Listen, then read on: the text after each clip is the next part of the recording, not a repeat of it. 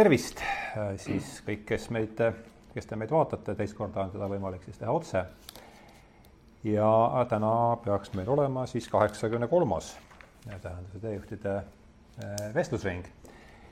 ja, ja teist korda oleme siis eetris otse, proovisime seda eelmisel reedel, esimest korda, kui me rääkisime Goethe, Goethest kui teadlasest ja, ja olid mul siis stuudios Toomas Rapido ja Mercedes Merimaa tänasel äh,, nagu igal saatel, on siin ka oma eellugu ja see eellugu viib äh, mind meie tänase ühe saatekülalise, tutvustan teid siis ka kohe ära, Taivo Maimets, tere tulemast esimest korda äh,.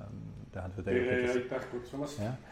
ja Kalevi Kull samuti esimest korda ja, ja saate eellugu viibki siis ähm, kusagile siin mm, taudiaegadesse, kui äh, oli võimalik kodus niimoodi rohkem vaadata asju, mis olid ammu plaanis, et vaatasin siis suure huviga Toivo loengut Epigenees ja preformism, mille ta pidas, seda pidasid, eks seal Lotmani eh, Vabas Akadeemias. ja siis eh, tekkis, tekkis mõte seda, seda asja edasi arutada ja kui ma küsisin, et kes võiks olla siis teine vestluskaaslane, siis Toivo pakkus välja Kalevi Kulli, kellega ma olin ka juba mõnda aega rääkinud, et võiks eh, tulla saatesse ja ja nii see siis meil siin praegu ja mul on väga hea meel, et see vestlus on nüüd äh, meil ees seisnud, et olen äh,, olen seda oodanud huviga, et äh, kuivõrd ma teid juba tutvustasin, et siis olge nii kena äh,, öelge enda kohta ka paar sõna ja siis ma juhatan saate teema konkreetsemalt sisse, et hakkame siis, ma ei tea, hakkame Kalevist pihta. õppinud bioloogiat ja, ja terve elu proovinud rohkem nii aru saada sellest mis asjad need organismid ja on ja kuidas elu käib. ja, ja sellel teel siis bioloogiaülikoolis ära õppinud ja, ja pärast siis erinevate teemadega bioloogias tegelenud, päris hulk aega päris välibioloogiaga ja, ja sealhulgas Laelata bioloogiajaamas ja Puhtu bioloogiajaamas ja üldbioloogia vastu huvi tundes siis tasapisi äh, neid küsimusi nii-öelda lahendusi otsides, mil, millest ikka üldse aru ei saa äh,, näinud, et mõned vastused on, tulevad sealtpoolt või võivad tulla sealtpoolt äh, valdkonnast, mille nimi on semiootika ja siis tasapisi sinna semiootika suunas liikunud, kuni siis töötangi juba üle kahekümne aasta semiootika osakonnas Tartu Ülikoolis mina olen äh, Tartu Ülikoolis rakubioloogia professor, ma olen ka bioloogina lõpetanud Tartu Ülikooli, täpsemalt molekulaarbioloogina ja oma, oma teaduskraadid ja asja ma tegin molekulaarbioloogia alal. Ähm, ja, ja praegu, praegu olen rakubioloog. nüüd ähm, minu teaduslik huvi on olnud alates kaheksakümnendate aastate lõpust äh, kasvajate bioloogia. lihtne küsimus, millest kasvajad tekivad mis on need mehhanismid ja lootes, et kui me need mehhanismid teada saame, siis me saame ka efektiivsed ravimid, on noh, kaua aega loodetud, et ükskord sellest haigusest jagu saadakse, aga mulle tundub, et veel tükk aega läheb selle, sellest jagu saamiseks. igal juhul see kasvajate uurimine viis mu ähm, sellise teema juurde nagu inimese tüvirakud, sest kasvajarakud on enamasti väga sellised vähe diferentseerunud ja meenutavad selliseid meie algseid rakke. Ja kui ma juba tüvirakkude juures olin, siis hakkasin ma mõtlema arengubioloogia probleemide üle ehk tegelikult selle üle, kuidas sellisest eh, esimesest rakust, ühest ainsast viljastatud munarakust saab eh, enamasti väga tore, terviklik, täiuslik inimene kõikide oma funktsioonidega, eh, vigade ja puudustega. Ja kuidas see areng mis võib nii paljudes kohtades sassi minna ja valesti minna, kuidas see enamasti ikkagi õigesti välja kukub. nii et see on see minu, minu teadusteemade ring ja, ja, ja selle peale mõtlemist ma äh, harrastan ja armastan. aitäh teile siis äh, sissejuhatavate sõnade eest ja, ja no me oleme nüüd siis mm, teist korda järjest ka äh, eelnevalt saate teema välja hõiganud ja ja Facebookis ja, ja, ja mujal, et see on siis see artikkel, mille ma noppisin ka üles äh, Toivo loengust. ja, ja ilmunud on ta siis kaks tuhat neliteist vist oli ta Nature'is. viis pool aastat tagasi. jah ja. pealkiri on siis äh, kas does evolutionary theory need a rethink, kas evolutsiooniteooria vajab, vajab ümbermõtlemist ja siin on siis seda peaks siis nimetada kaksikartikliks, et on üks, üks pool on kaks artiklit kõrvuti. üks pool ütleb siis, et jah, peaks ja teine, et äh, mitte ja siit siis saan aru, et on kaks sellist äh, võtmemõistet, mis ma siit üles noppisin, on extended evolutionary synthesis, on siis, kuidas see on eesti keeles mingi käibetermin läinud äh, selle kohta kasutusele? laiendatud süntees ehk vot siin on see Äh, täpselt see raamat mm, -hmm. mis on sellise pealkirjaga. nii et ma saan, ma saan aru, et on olemas siis, äh, mis seda vastandab, on siis standard darwinistlik, äh, neodarwinistlik süntees ja siis see, see, mis siin praegu on, mida see, see termin laiendatud evolutsioonisüntees siis vastandub sellele ja, ja kui ma tulin selle ideega välja, siis Toivo arvas, et me võiks selle artikli ideega, et siis võiks epigeneetika võiks olla see see teema laiemalt, millest me täna räägime. ja nüüd põgusalt ennast ähm, selleks vestluseks ette valmistades äh, lugesin siis äh, Kalevi raamatut teoreetilisest bioloogiast, eluteadus, matemaatika ja semiootika vahel. Ja, ja, ja leidsin siit äh, sellise eestikeelse lõigu, mille ma tahaks ette lugeda, et see minu arust võtab kenasti kokku emakeeles selle, mis selles ingliskeelses artiklis siis ka nüüd vähemalt ääriveri jutuks tuli, et loen ette selle lõigu, et see paneks mingis mõttes meile rööpad siis maha äh, jutuajamiseks ja annaks, annaks otsa kätte. üks levinud mõttekäike bioloogias ütleb, et mingi käitumise või organismide ehitusliku omaduse seletamiseks on tarvis näidata, kuidas see käitumine või struktuur võimaldab oma geenide, täpsemini alleelide edasiandmist, oma alleelide edasiandmist. see seletusviis tundub absurdsena, sest justkui eeldaks mingi tungi olemasolu organismidel oma geenide edasiandmiseks, nende paljundamiseks järgmisesse põlvkonda. sedasama on väljendatud geenide, õige on jälle öelda alleelide egoismi kaudu. selline väljendusviis, mis on paraku saanud laialt levinud diskursuseks, on muidugi metafoorne. Olgugi näiliselt absurdne, tuleneb see otseselt ja loogiliselt, tuleneb see otseselt ja loogiliselt korrektsest postulaadist, korrektselt postulaadist, mille kohaselt adaptiivse evolutsiooni ainsaks mehhanismiks on looduslik valik ehk genotüüpide diferentseeritud paljunemine. iga omadus võib levida vaid teda kandva mäluelemendi alleeli eelistatud kopeerimise kaudu. see seisukoht on neodarwinistliku vaate teoreetiline alus. Evolutsioonilise kogemuse meelespidam-, evolutsioonilise kogemuse meelespidamise taandamisega alleelide kordistumisele antaksegi neile esmaselt loogiline jõud seejärel aga nihutab see kergesti, eriti populaarsemas ehitustes, aga samuti uurijate slängis, metafüüsiliseks geenide jõuks. teaduslik vettpedav alternatiiv saab olla vaid see, kui tõendada, et on võimalikud ka muud mälumehhanismid ning teistsugused looduslikku valikut mitte vajavad mehhanismid adaptatsioonide kujunemiseks. seesuguste mehhanismide olemasolu seondub epigeneetilise pärandumisega ja kaks märkust, mis ma siit veel tegin, et kui me nüüd räägime sellest kahest vastanduvast, mingil määral vastanduvast arusaamast, et reformistlik, tulles tagasi nüüd selle Toivo loengu juurde, mis oli käimalükkavaks tõukeks, et reformistlik siis suund ütleb seda, et äh, fenotüübi muutus järgneb genotüübi muutusele, saan ma aru, ja epigeneetiline mehhanism siis ütleb, et fenotüübi, fenotüübi muutus eelneb genotüübi muutusele.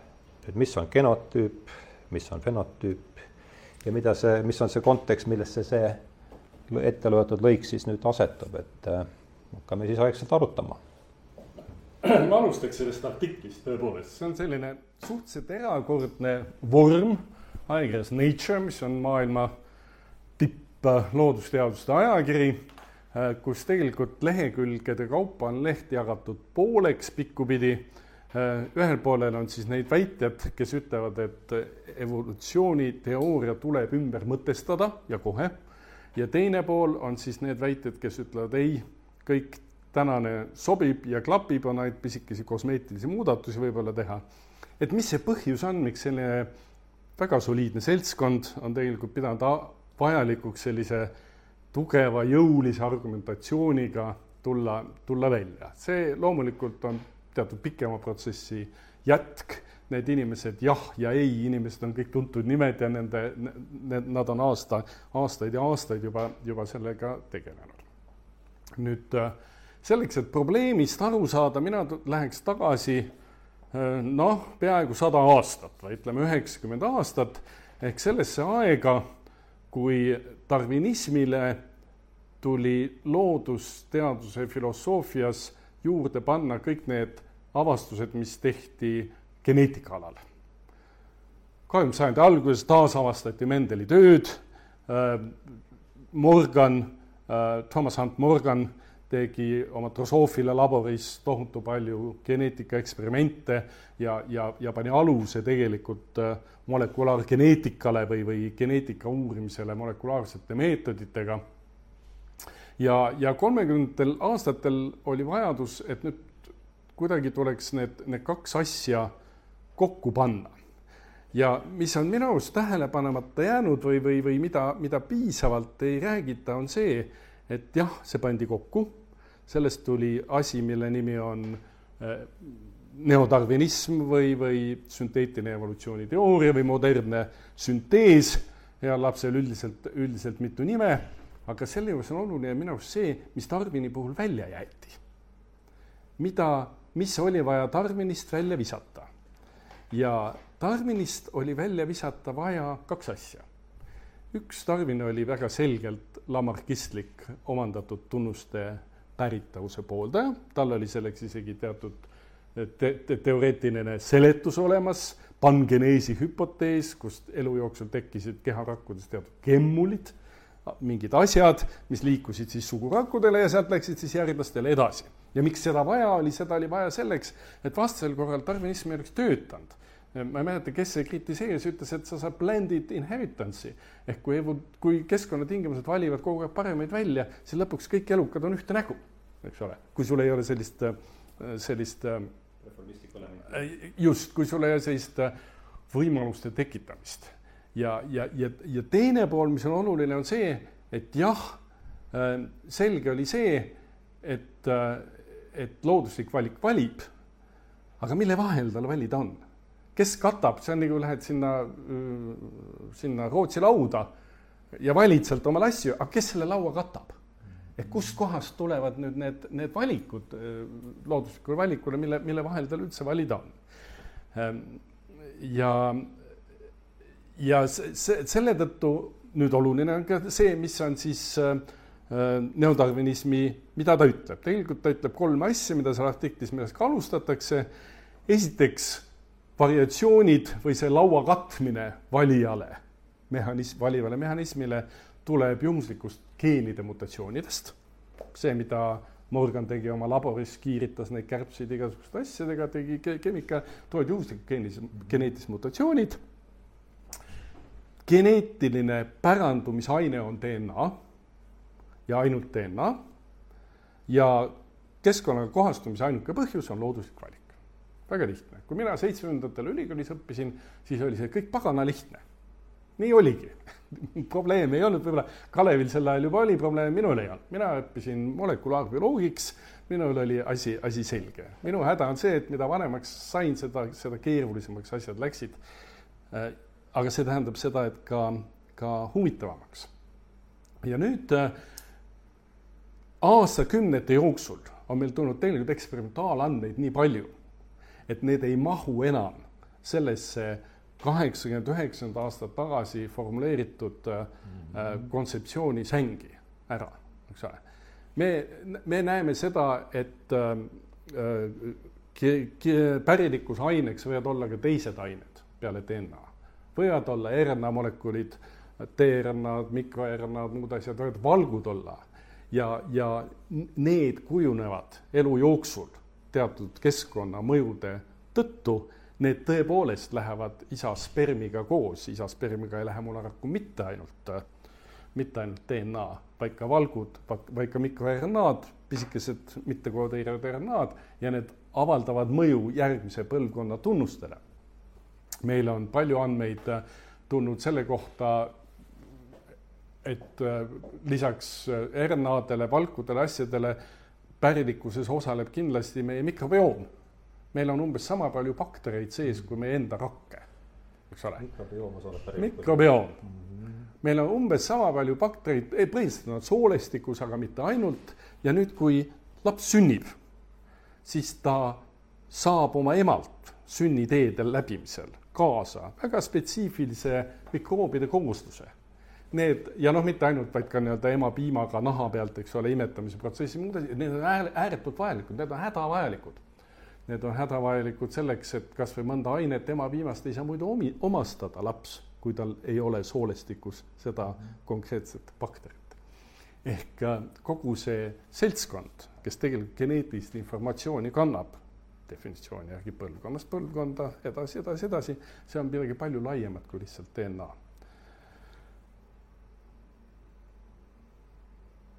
jah. jah. kas ma tohin ühe asja veel küsida äh, enne, et äh, Darwinist visati välja kaks asja, ma, mina sain virje panna lamarkismi, mis oli nüüd teine? lamarkism äh, visati välja, mis see teine asi oli, mis Darwinist välja visati? omandatud tunnuste pärilikkus ja no tähendab, kui ma üldse natuke iseloomustaksin seda, vot see suur, suure yeah. sünteesi Äh, periood, kolmekümnendad aastad, see oli tegelikult väga-väga vahva ja huvitav periood. see, selles mõttes, et see oli niisugune, kus pandi kokku niisugused nii-öelda terved bioloogia valdkonnad ja vaateviisid, mida ei suudetud varem kokku, kokku panna. eks ole, noh, geneetika, evolutsiooniõpetus, äh, populatsiooniõpetus, populatsioonibioloogia äh, ja veel väga tähtis tahk selle juures äh, korraga toodi sisse nii-öelda matematiseerimine. sellepärast, et äh, bioloogia teooria kuni sinnani, no ta hakkab tasapisi, eks ole, matemaatika peale sel sajandivahetusel, kahekümnenda algul, aga, aga kolmekümnendad aastad suudavad teha matemaatilised mudelid evolutsioonile. ja vot see nii-öelda puhastas korraga välja väga palju, mis sinna ei noh liiga kvalitatiivne oli, eks ole, mis sinna ei sobinud. ja, ja see välja puhastamine nüüd ongi, tähendab, ma usun, et seda sünteesi tegevad teadlased, no nendel oli niisugune noh, tunne, et nad nüüd teevad bioloogia, no ma ei tea, suure teooria ikka tõesti. ja, ja ses mõttes no ma usun, et võinuks sel ajal ka miks mitte kaasa minna sellega.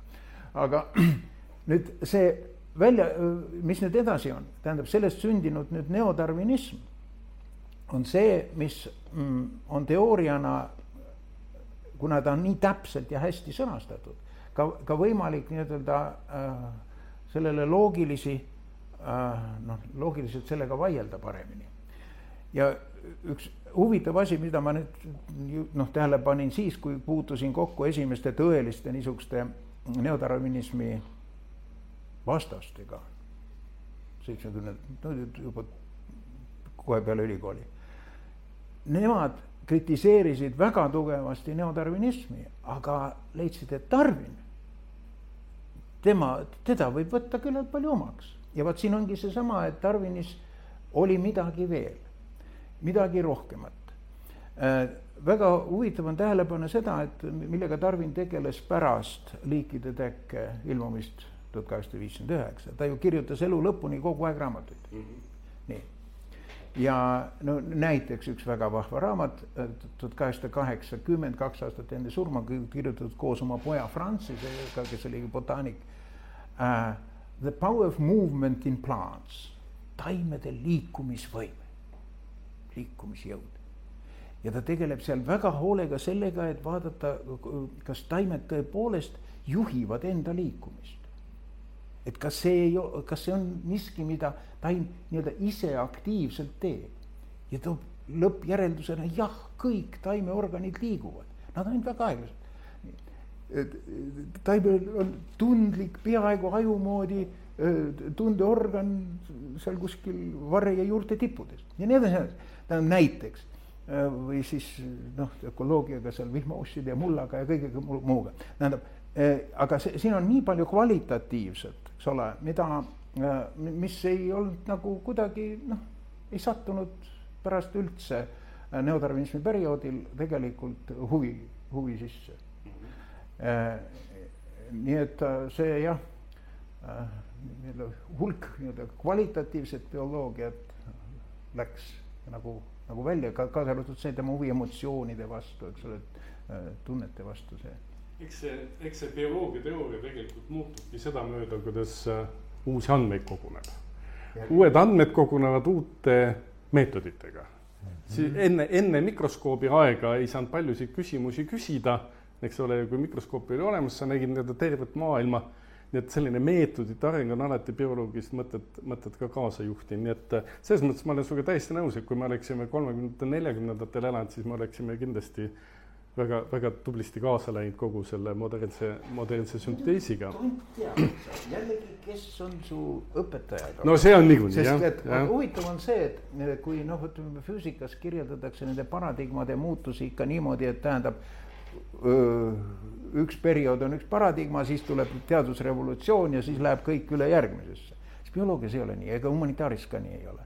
siin on kogu, siin on lihtsalt küsimus nii-öelda domineerivas vaates ja, ja siis selles natuke marginaalses, mis elab, elab kogu aeg kõrval dissidentlikult. kes sõidab peateel. kes kõrval teel. just nimelt ja, ja see vahe ja see teine vaade ei kao kuhugi ära. ja, see oli kogu aeg olemas edasi aga, aga ta oli noh, nagu kuidas öelda, alla surutud ja, ja muidugi väga palju väiksema hulga teadlaste poolt esindatud, aga ta oli pidevalt olemas. Ma tooksin ühe näite, näiteks ütleme see probleem, miks äh, siiamaale, kui sa oled korralik äh, äh modernse sünteesi inimene, molekulaargeneetik, molekulaarbioloog, miks on täiesti vastuvõetamatu, on omandatud tunnuste päritavus mm. -hmm ja tegelikult see on väga lihtne. on nüüd juba enam väga palju sellest ei räägita, oli selline asi nagu molekulaarbioloogia dogma.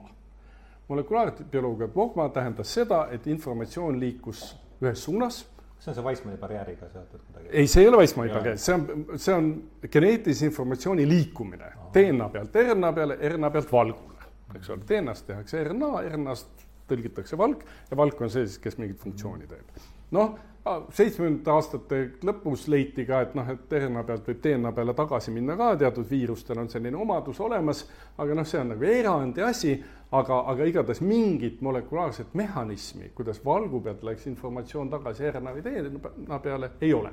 tõepoolest ei ole.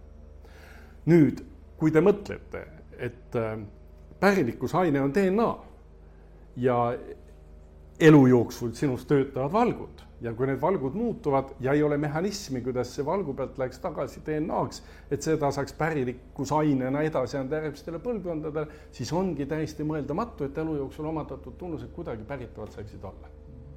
aga kogu selle eeldusel, kogu see eeldus on see, et ainukene pärilikkusaine on DNA mm. -hmm, just see, see muide, see oli väga-väga õpetlik, see, see äh, töö publitseeriti tuhat üheksasada nelikümmend neli, Avery MacLeod McCarthy töö, mis tõestas, et pärilikkusaine on DNA.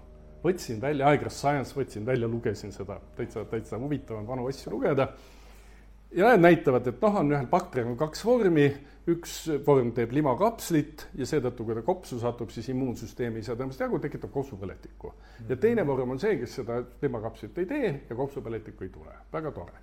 ja nüüd nad vaatasid, fraktsioneerisid bak-, bakteri ära, võtsid valgud, süsivesikud, rasvad, äh, DNA ja vaatasid, võtsid ükshaaval, panid sellesse raku sisse, kes kapslit ei teinud ja vaatasid, milline neist siis seda tunnust tekitab ja leidsid, et vot valgud, rasvad need ei tekita, DNA tekitab ah,. Fine, tore eksperiment, aga nemad seda järeldust ei teinud, aga kui sa nüüd loed geneetikaõpikuid, siis geneetikaõpikud interpreteerivad seda niimoodi, et igasuguseid tunnuseid kannab üle DNA. ainult DNA. jah, aga ei olnud, ainult see üks kapsli teki-, tekitamine oli see tunnus, mida DNA üle kandis, eks ole. ja see on praegu nii-öelda fundamentaalne geneetika nii-öelda aluseksperiment, pärikuks ainult DNA ütle palun veel selle artikli ja autorite nime. see on Avery, MacLeod ja McCarthy. Avery, MacLeod, McCarthy. ja aasta on? tuhat üheksasada nelikümmend neli. Mhm. ja, ja nüüd me oleme seal koha peal ja nüüd on see teadmine, et ta küll ainult DNA on ja selle tõttu ei saa, selle tõttu me peame igal juhul eitama ka omandatud tunnuste pärilikkust, sellepärast et meil ei ole mehhanismi, kuidas sinna peale minna. nüüd järgnevad aastakümned näitasid meile, et saab, teised asjad saavad ka edasi viia. Äh, saavad edasi viia teised mehhanismid, saavad needsamad mikroobid, kes meil sees elavad, keda me edasi annavad, saab ka DNA, saavad RNA-d, saavad valgud, ähm, saavad, on ka struktuurne pärilikkus olemas, sest ega siis, äh, kui vilestatud munarakk hakkab arenema, ega siis tal ainult DNA ei ole seal, mis areneb. munarakul on ju terve struktuur, tal on tuum, tal on membraanide süsteemid, tal on kompartmentalisatsioon, kõik asjad. struktuurne pärilikkus on ka täiesti olemas, eks ole. ja no tähendab, kui võtta nüüd seda muutust, siis see tõepoolest on nüüd noh, muutus, mida me tasapisi nimetame siis epigeneetiliseks pöördeks. see ongi täpselt see, kus tuuakse äh, selgelt esile, millised on need mitte, äh, mittegenoomse pärilikkuse viisid. ja nüüd Eva Jablonka ja, ja äh, Lang kirjutasid terve raamatu, kus nad toovad esile neli põhilist pärandumise viisi peale geneetilise siis epigeneetiline tähendab, see on nüüd kitsamas mõttes siis see, kus äh, kas metüleeritakse äh, genoomi ja see, selle kaudu nii-öelda see geeni ekspressiooni muster äh, pärandub vähemalt mõned põlvkonnad. edasi sotsiaalne pärandumine, see, kus loomad õpetavad oma järglasi nii, täiesti selgelt noh, väga palju fakte selle kohta teada lihtsalt põlvkonnast põlvkonda, see nii-öelda sotsiaalne suhtlemine, see, see õpetus sealtkaudu. ja siis muidugi kultuurilis-keeleline, mis on inimesele iseloomulik. Nii, need kaks viimast muidugi ei kata kõiki organisme, see kultuurilis-keeleline on inimeste oma keele kaudu ju, kultuuri kaudu on mälu põlvkonnast põlvkonda küll ja küll, eks ole.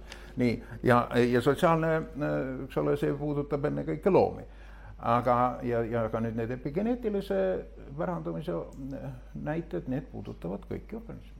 siin me peame võib-olla nüüd natukene, natuke selle koha peale jõuda, et, et et epigeneetika tähendab mitut asja. sa ütlesid ka kind-, kitsas mõttes ja. see, eks ole, ja teises mõttes jälle teine. ja see on nüüd üks probleeme, muide Ernst Mayr seal oma, oma raamatus Bioloogilise mõtte areng kirjutab, et enamasti on bioloogia ajaloos käinudki vaidlused tegelikult mõistete, mõistete sisu üle selle üle, et mõisted, mõistete sisu muutub ajas. Ta toob seal päris palju näiteid, ta, ta ütleb, et äh, äh, kaheksateistkümnenda sajandi embrüoloogide jaoks tähendas sõna evolutsioon hoopis midagi muud, kui ta, kui ta tarvinistidele ja muudele tähendab. ja, ja see epigeneetika sõnal on ka kaks juurt tegelikult.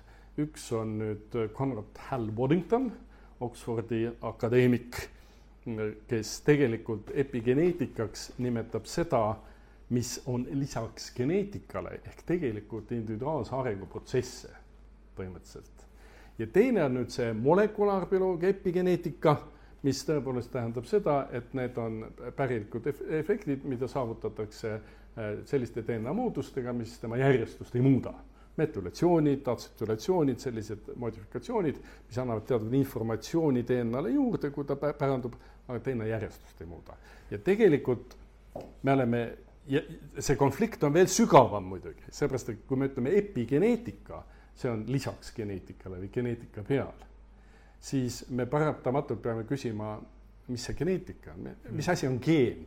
ja sinna, sinna me oleme korra juba jõudnud. jah, see geneet-, geeni metüleerimine, siis ma mõtlesin, et oleks hea järsku natukene no,, mis üldse geen on. ja nüüd me oleme kohas, mis asi on geen. Ja ka, ka, ka sõnal geen on, muidugi definitsioone on palju, aga sellised põhimõtteliselt kaks erinevat äh, juurt on siin ka molekulaarbioloogina oskab iga keskkooli lõpetaja oskab molekulaarbioloogia tõde öelda, et geen on mingisugune DNA järjestus, mille juurde kuuluvad mingid regulatoorsed rollid ja mis täidab mingit funktsiooni ja kõik see, üldiselt räägitakse DNA järjestusest, eks ole, see on üks võimalus. teine võimalus on see, et geen on see, mis kannab pärilikku informatsiooni põlvest põlve. ja nüüd, nagu me juba rääkisime, häda on selles et seda põlvest põlve kandjaid on lisaks DNA järjestusele veel palju. terve hulk on veel neid, eks ole. ja nüüd me olemegi kui me räägime sõnast geen, siis me oleme hädas sellega, et me peame ütlema täpsemalt, mida te nüüd geeni all mõtlete. ja kui me räägime epigeneetikast ehk sellele, mis lisaks geenile on, siis me peame selle puhul ka hakkama küsima, millest me räägime. ehk seesama Mairi tõdemus, et, et samu mõisteid sisustatakse erineva tähendusega ja sealt tekivad tülid ja, ja pahad konfliktid teadlaste vahel. just, just. no üks lahendusi on siin selles, et lihtsalt rääkida genoomist, kõik see, see, mis kogu DNA, mis, mis rakus on ja kuidas teda nüüd lõikuda ja mis funktsiooniga on see jätta nagu nagu, nagu teisejärguliseks no, selle juures. lühidalt seda genoomi defineeriksime, et me siin. no genoom tuleb nüüd sellest molekulaarbioloogilisest geeni definitsioonist ja, ja genoom on inimese organismi kogu DNA järjestus mm, -hmm. kogu DNA järjestus. peetakse silmas mida? peetakse silmas, kui inimesest räägime, siis inimese rakkude DNA järjestus nüüd äh, meie hea, hea, hea kolleeg Scott Gilbert on seda väga hästi väljendanud, ta ütleb, et kui te vaatate lehma genoomi siis seal ei ole mitte midagi kirjas selle kohta, et ta suudaks heina süüa. lehma genoomis ei ole tselluloosi lagundamise kohta mitte üht sõna, mitte ühte ensüümi ei ole kodeeritud seal, need tulevad kõik talle bakterite kaudu. Te võite seda lehma genoomi oma elu lõpuni uurida, et ei saa kõige olulisemat asja teada sealt mm. ja nüüd läheme edasi, mis siis see genoom, mis see inimese genoom on siis? me peame ikka kõik need bakterid sinna ka jõuda, aga neid on tuhandeid liike. no ja, ja mitte tuuma oma, vaid ka mitokondrite genoomi. ja mitokondrite genoomi ka jah. no hea küll, seal on nii-öelda pisikene protsent, see on pluss, pluss-miinus ehk äh, me, me olemegi selles kohas, kus ma olen küsinud väga paljudelt kolleegidelt, väga juhtivatelt maailmakuulsatelt äh, geneetikutelt olen, olen küsinud, et äh, kes Äh, mõtles välja sõna geen. kes tõi teaduskirjandusse sõna geen? ja ma pean ütlema, et mulle pakutakse Morganit ja mulle pakutakse isegi Mendelit ja üht ja teist veel, mis on kõik valed vastused. sõna geen mõtles välja Taani botaanik Wilhelm Johansen aastal tuhat üheksasada üheksa. Meil oli äsja, meil oli geeni sajas juubel ja, ja me ei kuulnud sellest mitte midagi. ja miks me sellest ei kuulnud, oli see, Johansen oli ka see, kes mõtles välja sõnad genotüüp ja fenotüüp. on see, et see geen, mida tema tähistas, see, mida tema tähistas selle sõnaga, oli midagi väga erinevat tänasest molekulaarbioloogia tähistusest.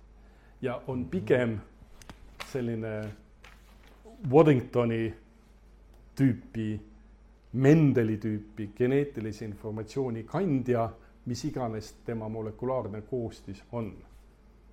me tegime oma esimese biosemiotika rahvusvahelise konverentsi selles auditooriumis, kus Johansen sellest rääkis. Äh, nii et Kopenhaagenis, see on jah. aga igal juhul, igal juhul samal aastal ja. läks ta Ameerikasse Morgani laborisse ja. ja ta pidas ettekande oma tööst ja ta rääkis ka, et vot geen on selline hea mõte. ja Morgan tegelikult võttis selle, ahaa ja Morgan virutas selle termini ära. ja siis ta hakkas neid DNA juppe drosoofila genoomis nimetama geenideks.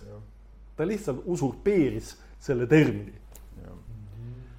jah, no see terminite muutus või mõistete definitsioonide muutus lausa, see on jah, väga väga huvitav, no näiteks tema looduslik valik, eks ole, mis puutub otseselt praegu asjasse siia diskussiooni sellepärast et äh, noh, koos selle äh, suure sünteesiga, neodarwinismi sünniga, noh, rõhutatakse ka siis seda, et looduslik valik on ainus loov faktor evolutsioonis. -hmm. nii äh,, kuidas seda looduslikku valikut defineeritakse, tähendab, defineeritakse äh, neodarwinismi klassikud defineerivad, see on siis nende erinevate äh, geenitüüpide diferentseeritud paljunemine, eks ole.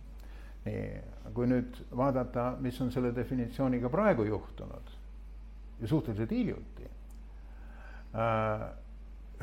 nüüd ei, räägitakse, et see on fenotüüpide diferentseeritud paljunemine, muide, väga paljud on läinud selle peale üle ja see see üleminek on no sellepärast, et eks ole, looduslik valik ei, ei, ei näe geene. ei näe jah. ta, ta ja. näeb ju, eks ole, ainult ja. seda välimikku, noh, tähendab seda valmis noh, ikkagi ta näeb fenotüüpi. ja selle tõttu. Steve J Gould ütles ja. Dawkinsi kohta, Dawkinsi selfish gene'i kohta täpselt seda, et kui palju tähtsust ka kallis Dawkins ei taha omistada nendele DNA juppidele evolutsioon ei näe neid. no just, kui evolutsioon ei näe, siis järelikult, kuidas ja. me siis nii defineerime. no ja kui me define-, aga niipea, kui me defineerime selle ümber, eks ole äh,, kui fenotüüpide diferentseeritud paljunemine, siis satub sinna alla kogu epigeneetiline pärandumine. Aga defineerime palun selle fenotüübi ka ära kuulajate jaoks lihtsalt, et me ei läheks liiga, kuidas, mis me selle all peaks mõistma? no kuidas öelda? no genotüüp ja fenotüüp. genotüüp on, on, on see kogum geneetilist informatsiooni, mis ühel organismil on päranduseks saadud oma vanematelt ja mida ta kasutab siis äh, äh, mingisuguste tunnuste, funktsioonide eluliselt tähtsate asjade väljaarendamiseks. Eks ole, see on see geneetiline informatsioon, mis ta on saanud oma isalt ja emalt ja, ja selle peal ta siis opereerib. kitsamas mõttes siis nii-öelda isa DNA ja ema DNA, aga ma olen siin juba virisenud nende DNA-de kallal, ütleme niimoodi laiemas mõttes geneetiline informatsioon, mis ta on siit ja sealt, sealtpoolt saanud. ja fenotüüp on nüüd ütleme lihtsas mõttes see tunnuste kogum või kõikide nende funktsioonide, struktuuride kohastumiste kogum, mis tegelikult siis organism on, on eh, seda geneetilist materjali kasutades eh, välja arendanud mm. -hmm. ja vaata, kui huvitav, tähendab seda materjali kasutades välja arendanud, eks ja. ole. justkui ta mm -hmm. ilma seda kasutamata ei saagi midagi välja arendada ei, ei, ei, see, see ei ütle sama, ei, ei, see, seda, et nüüd sellel materjalil on üks-ühene seoses seos, siin ma olen täpselt, täpselt Scott Gilberti, Scott Gilberti meelt, et see on nagu partituur, see genoom on see, on nagu see partituur, mis interpreedile ette antakse ja erinevad interpreedid saavad sealt mängida üsna erinevaid asju, aga noh, marss jääb marssiks.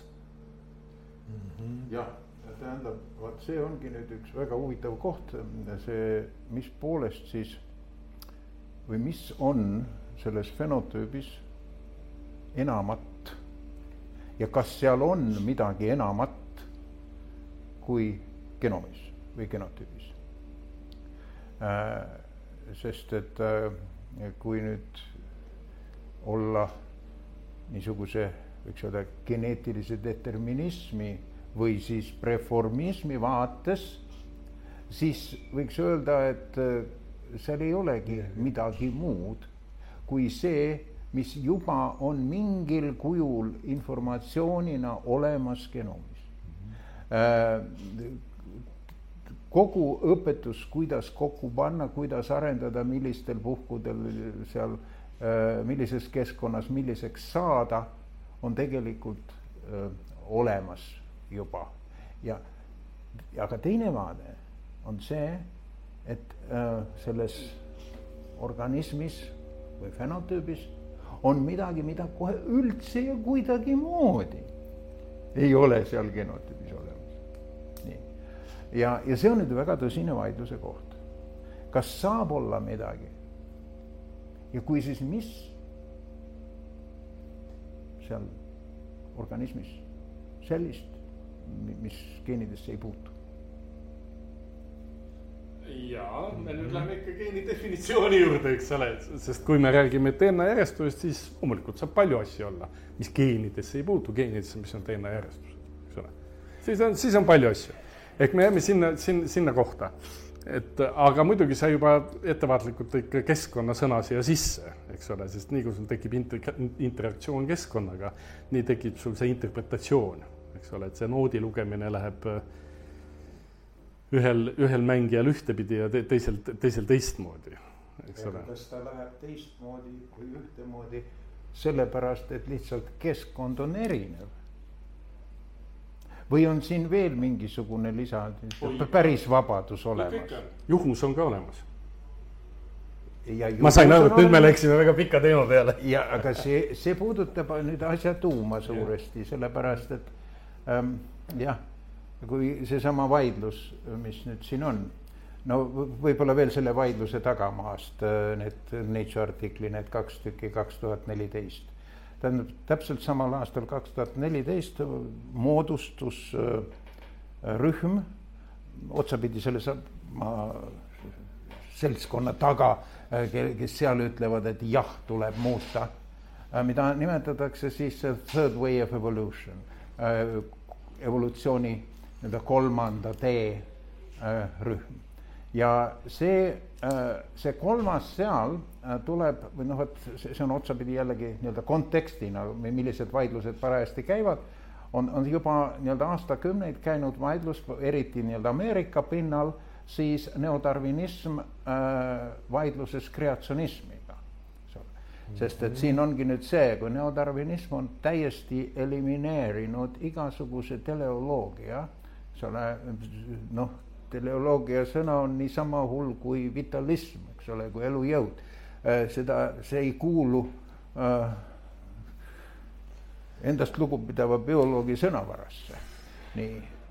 Siis samal ajal äh, no eriti religiooniringkonnad ei taha kuidagimoodi sellega leppida ja aga, aga nüüd bioloogide hulgas tuleb ka neid, äh, neid siis nende teoloogidega kaasa, kes ütlevad, et ei, seal peab mingisugune, tähendab, eesmärgipärasus olema, eesmärgipära on alati ju ilmselt kuidagi seotud intellektiga, noh, teadvuse või vaimuga või millegagi, eks ole, kas siis jumalikuga või mingisugusel muul viisil, mingisuguse intellektiga, see, see, see intellekt peab olema siin, siin juures.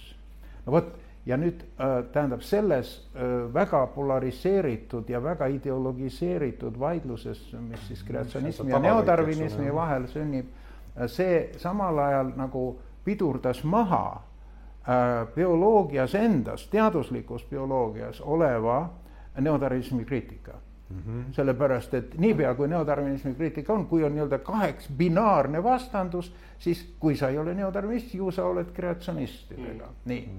ja, ja nüüd tähendab, see kolmas tee on siin antud juhul nimetatud sellepärast kolmandaks, et see ei taha olla ei neodarvinismi, ei kreatsionismi poole peal, vaid öö, olla asjalik ja teaduslik, tähendab selle, selle jah, vaateviisi esindaja, mis ei ole päri selle neodarvinismiga küll, aga küll aga mitmes mõttes Darwiniga ja, ja siis toob, toob sisse noh, väga tugevasti selle epigeneetilise pärandumisest tulenevad teoreetilised järeldused. mis nimed selle taga on, selle kolmanda, kolmanda teele? muuhulgas tähendab väga suurel määral Deniss Noble, see on äh, mees, kes, kelle raamat Elumuusika on eesti keeles äh, olemas, bioloogia teispool geene, näed mm. -hmm. nii, tähendab, aga selle, see on terve hulk inimesi kaasa, need Jelini Moss või seesama Eva Jablonka, eks ole.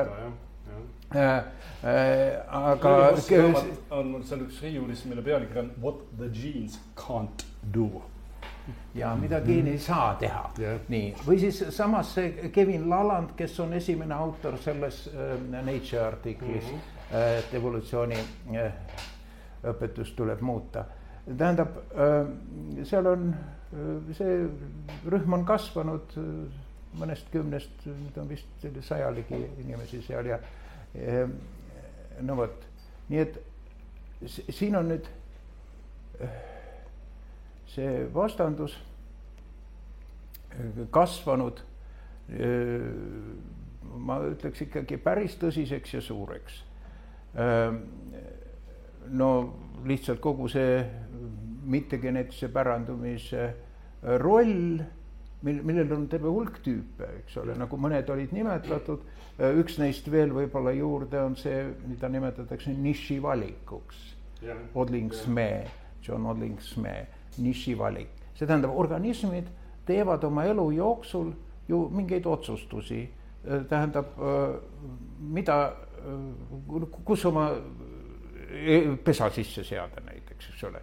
Äh, kas pesa panna, no ma ei tea, jah, millise puu otsa või, või maha, nii edasi, tähendab, mingisugused piirid võivad olla siin tal loomulikult ees, aga tal on kindlasti teatav vabadus selles osas, äh, kuhu ta need paneb või, või öö, isegi, eks ole, putukas, millise, millise taime peale ta muneb ja, ja keda kogu tema lapskond pärast sööb siis eks ole, siin on vahed sees, aga, aga niipea, kui see valik on tehtud, see, sellest oleneb tema järglaste keskkond. ja, ja see järglaste keskkond, eks ole, natuke modifitseerib, modifitseerib nende arengut ja see valik, mis kord tehtud, võib põlvkonnast põlvkonda omada väga kauast mõju nii et tagasi tulles selle artikli juurde, katsu, katsume kuidagi seda teljena hoida sa, sa võid olla seal jah poolel või ei poolel, aga mida sa ei saa teha, sa ei saa eitada, et, et probleem on. eitada, et probleem on, noh, ma alustasin sellest mitteteenalisest pärilikkusest, sellepärast et huvitaval kombel, kui see parem pool, et kõik, kõik on korras, kõiki teisi argumente käsitleb, siis tegelikult seda mitteteenalist pärilikkust, seda nad isegi ei puuduta, nad taandavad seal plastilisuse peale, mis on tegelikult nii-öelda vastused kõrvale hiilimine. aga seal on ka teisi, teisi argumente, noh, kasvõi seesama äh, neodarwinismi tees, et see, see laud kaetakse, see valikule, loodusliku valikule laud kaetakse juhuslikest mutatsioonidest mm, -hmm. eks ole. et noh, lihtsalt elu on nii pikk olnud, kolmteist koma seitse miljardit või palju või, või ikka vähem Äh, miljardit aastat, kolm koma, kolm koma seitse, kolm koma kaheksa miljardit aastat, aastat vana, selle aja jooksul on lihtsalt DNA kogu aeg muudab, muudab, muudab järjestusi ja kui tuleb nüüd üks õige kombinatsioon, siis see on kasulik. selles keskkonnas saab ta toota mingit valku, mis midagi teeb. ja nüüd on väga lihtne, Stuart Kaufmann on oma eelmise aasta raamatus selle rehkenduse ära teinud ja teisedki on teinud.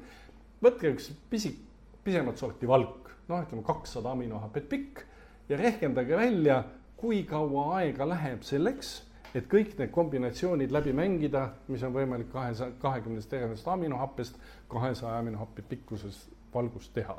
Ma kirjutasin siia, et loodusliku valiku laua katab juhus, kas ma siis äh, oota, ei, ei, ei, ei, ei, ei, ei, ära seda kirjuta, ei, ei, ei, ei, ära seda, juhusest, juhusest me oleme Kaleviga rääkinud ka see, me võime siia juurde aga kuidas ma peaks selle lause kirjutama, et see oleks äh, see on oluline koht, mulle tundub. oota, oluline koht on see, et oluline koht on see, et juhuslikud geenimutatsioonid ah. ei saa seda lauda katta, sellepärast et see rehkendus näitab, et selle kahesaja lihtsa valgu äh, läbiproovimiseks, kui võtta ajaühikuks, minimaalne ajaühik on Plancki aeg mm, -hmm. sellest väiksemas ajaühikus ei saa enam mitte midagi põhimõtteliselt toimuda ja kui sa võtad kogu selle kolm koma seitse miljardit aastat ja vaatad, palju seda variante saab, siis jääb meeletult aega puudus tegelikult, tegelikult Kaufmann, Kaufmann ütleb, et kümme aastat meil kolmkümmend üheksa korda rohkem aega on vaja selleks, et kogu lasi läbi mängida mm. -hmm. aga teisipidi noh, realistlikumalt niimoodi, kui me võtame selle teadaoleva elu äh, eksisteerimise ajaloo äh, natuke alla nelja miljardi aasta ja, ja nüüd tähendab, vaatame, kui palju selle aja jooksul on saanud, eks ole, organism üldse olla. nii, kui palju neid noh, umbkaudu olnud on kui palju on saanud olla neid erinevaid noh, geeni järjestuse variante. nii, ja äh, anda neile igaühele nii-öelda võimalus olla siis valitud loodusliku valiku poolt, siis kui pikk on selline DNA järjestus, mille kõik variandid saavad olla korra olemas olnud ja nii-öelda valitud või mitte valitud. see on mitte rohkem kui tõenäoliselt umbes nelikümmend nelikümmend aluspaari. no täpselt ongi jah. see on nii lühike, rääkimata miljardist. siia tuleb see ergoodilise süsteemi ja mitte ergoodilise süsteemi termin sisse. mis, see tähendab, see on väga oluline vahe. E-, ergoodiline süsteem on see, mis mõistliku aja jooksul läbib kõik oma olekud.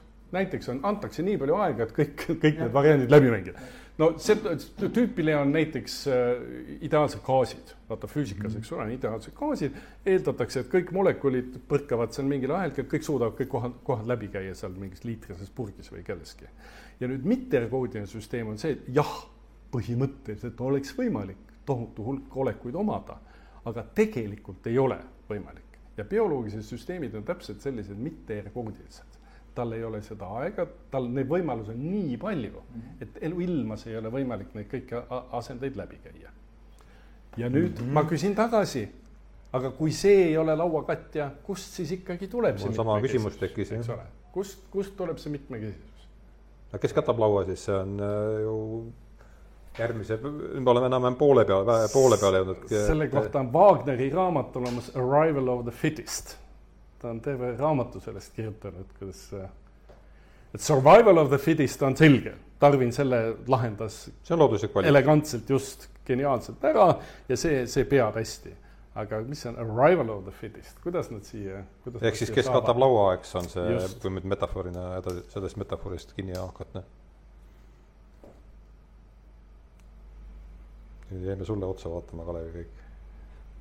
nojah, tähendab küsimus siis on, et kas kõik need äh, vormid oma sobis, sobivuses on, äh, on sellepärast nii, et äh, nii-öelda nad on juhuslikult läbi proovitud no, variantidest välja valitud või äh, on nad äh, nii-öelda vorminud ennast mingil määral ise selliseks just nimelt jah, ja, sellepärast ma tahtsingi sinna juhtida ja sulle otsa vaatama jäin just sellepärast, et kui nüüd DNA ei ole selle laua katja, eks ole mm, -hmm. siis võivad äkki olla kõigepealt vormid,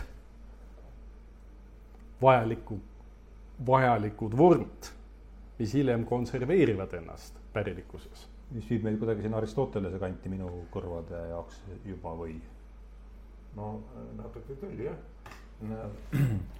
aga vot äh, kuidas see organismi areng käib, see on jällegi nüüd see epigeneetika küsimus, vot see on nii vahva ikkagi, kui sa võtad selle muna, mida sa armastad, eks mm. -hmm ja, ja tuleb sealt välja ikkagi, ikkagi tibupoeg ja, ja mitte sisalik või, või keegi teine äh,.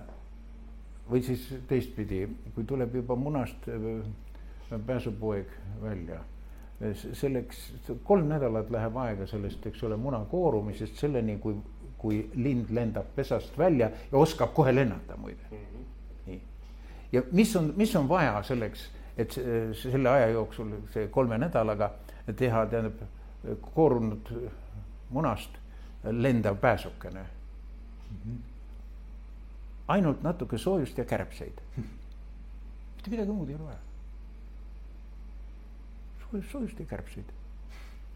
vaata kui huvitav tõepoolest see võib tõesti minna vanade kreeklasteni välja, kus elu tekib, eks ole. ei, elu on kogu aeg olnud. mustast pesust ja soojusest. ja, ja, ja iga kord, eks ole, tähendab, tuleb välja ja, ja kohe oskab lennata peale selle.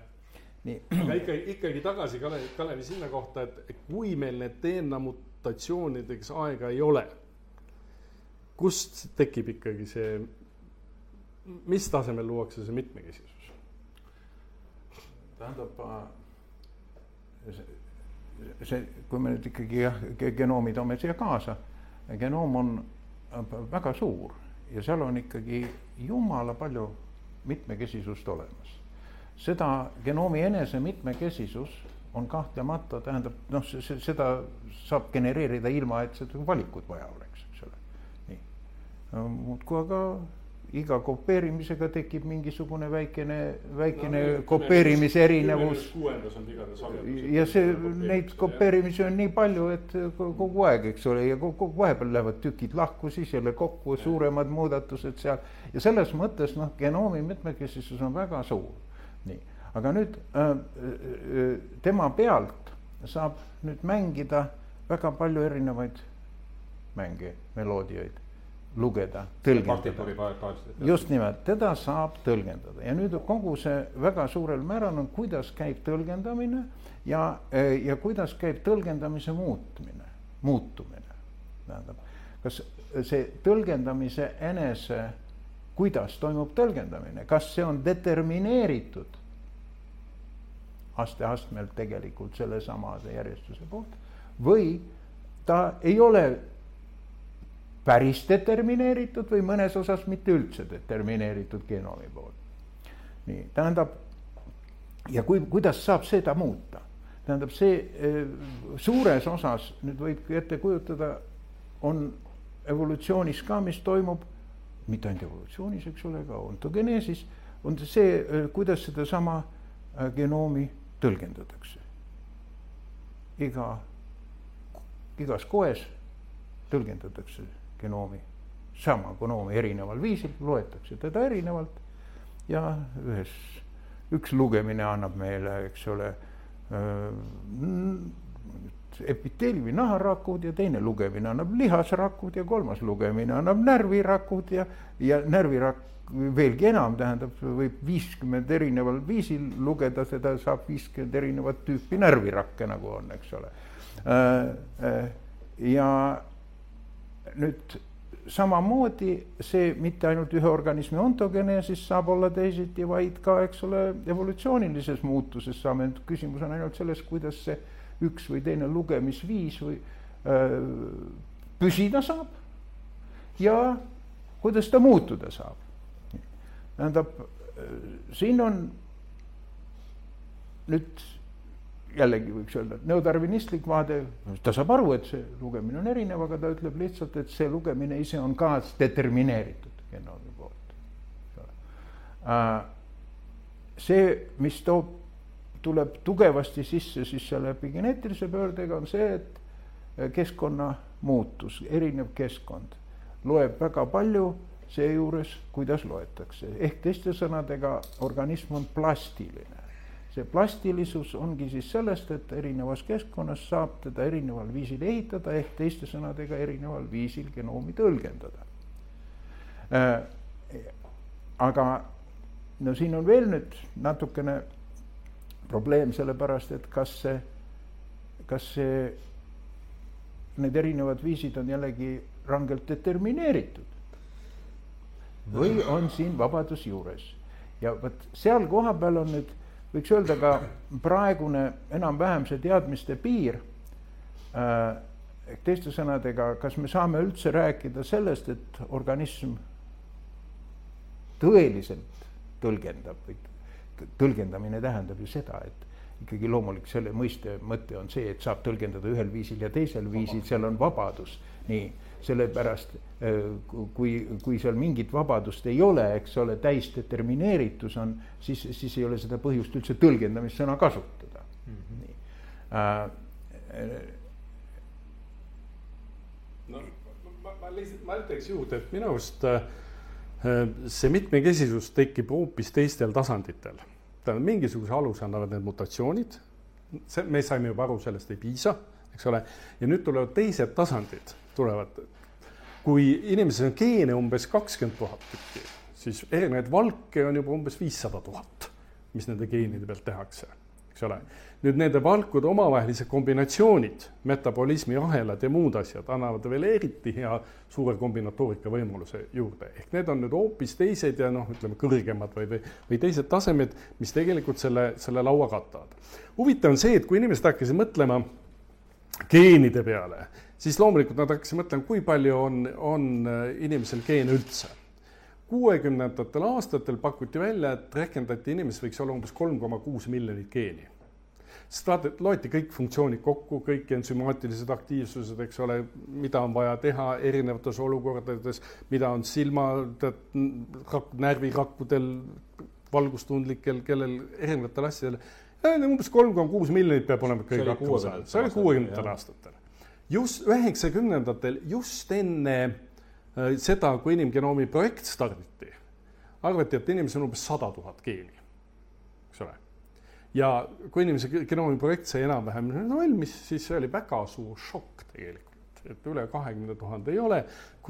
ja, ja mis oli veel suurem šokk, oli, et paljudel elementaarsetel satikatel ja sitikatel on palju rohkem geene kui inimesel, eks ole, see käis nii-öelda, see, see läks juba üle, üle igasuguse piiri ja nüüd me tuleme tagasi selle Wilhelm Johanseni juurde, kes spetsiaalselt hakkas Morganiga vaidlema, ütles, et kindlasti ei ole olemas üks geen ühe tunnuse jaoks. sellist relatsiooni ei saa olemas olla. eks ole, see Morgan pani kõik oma geenid sinna niimoodi järjekorda, nagu, nagu need pärlikees pärlid on, et see geen oli siin silmade jaoks ja see karvaste jalgade ja kollase kõhu jaoks ja niimoodi, eks ole, ja Johansen ütles, see ei ole see, see ei ole see, ma olen kogu aeg mõelnud, et, et see, see geen, geen väljendab kõiki neid asju, mis panustavad selle välimuse funktsiooni tekkeks või selle fenotüübi, fenotüübi tekkeks. aga Johansen jäi alla ja sada aastat hiljem me ka Johansoni sünnipäeva tähistanud, Morgani sünnipäeva küll tähistame mm, -hmm. eks ole nii et tegelikult need tasemed, kus tekib see laua katmine, on palju kõrgem. ütle palun Johansoni eesnimi veel. Wilhelm, Wilhelm., Wilhelm, tal oli üks, üks eesnimi oli tal veel. Wilhelm Johansen, kahe n-iga. E, e, ja, ja, ja selles mõttes muidugi Kalevil oli õige öelda, et me oleme siin oma teadmiste piiri peal, tõepoolest, sest tegelikult meetodeid niivõrd kompleksseteks süsteemide uurimiseks, millel on tohutu palju parameetreid, tohutu palju kombinatsioonide, kombinatsioonide võimalusi, meil lihtsalt meetod puudub. me oleme selles mõttes nagu seal mikroskoobieelses ajastus ja me tahame mingit äh, bakterit näha. Aga kuidas nüüd selle mõttega jääb, mis ma olen ka, et, et geenid või kusagilt lugenud, et ähm, geenid on justkui näita-, on telliste äh, valmistamise äh, juhendid, valk-, siis tähendab geenid näitavad seda, kuidas valmistada valke ehk siis tellised, aga plaan, vormi, vormi mõiste käis meil siin juba täna läbi, et mis te sellest, kuhu, kuhu see selles, sellel maastikul asetub, kus ma saan aru, on siis praegu nii palju, kui mina olen seda kaardistada, on see neodarvinism versus kreatsionism. ja, ja see, et see vastasseis oli selline, see võttis neodarvinismi kriitika maha, kui ma sain Kalevi jutust aru, eks. Ja nüüd tuli see kolmas, kolmas äh, tee siia lisaks, et et, et kui palju te selle vaatega, veel kord, nii palju, kui mina sellest aru saan, ütleb üks vaade siis seda, et et geenid näitavad seda, kuidas valmistatakse äh, siis äh, valke ja aga, aga, aga selle mitmekesisuse annavad siis vormid, et kuidas kas, kuhu see selles kontekstis, see, see vaade asetub ja mis te sellest üldse arvate? kus on kirjas vorm. ja kus on kirjas vorm, jah ehk see on teise. Aristoteles mõtles ehk, selle peale. ehk kes, ehk kes tuleb, kes laua katab mingis teises kus vorm. on kirjas vorm, see on, see on, on minu arust üks huvitavamaid küsimusi üldse ja, ja, ja vastust ei suuda ei mina, ei Kalev ilmselt sellele, sellele anda ja ma, ma kardan, et keegi ei suuda, aga see on hästi huvitav küsimus. kus on kirjas, seesama asi, et ja. kui see muna soojus ja natuke kärbseid ja tulemuseks on lendav lind, kus kohas, kus kohas nüüd see lendava linnu vorm oli, eks ole. see on, see on kirjas erinevatel tasanditel ilmselgelt, osasid tasandeid me mõistame, seda DNA järjestuse tasandit me mõistame, me suudame seda lahendada, aga me näeme, et sellest ei ole kaus-, kaugeltki piisav.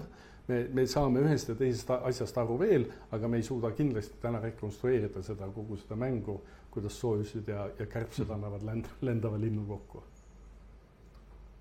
jah, ja siinjuures on muidugi ikkagi vahva tähele panna seda, et no eriti ütleme loomade äh, äh, parases ontogeneesis äh, hoitakse äh, välistingimusi äh, väga väikestes piirides muutuvana, tähendab väga konstantsetena.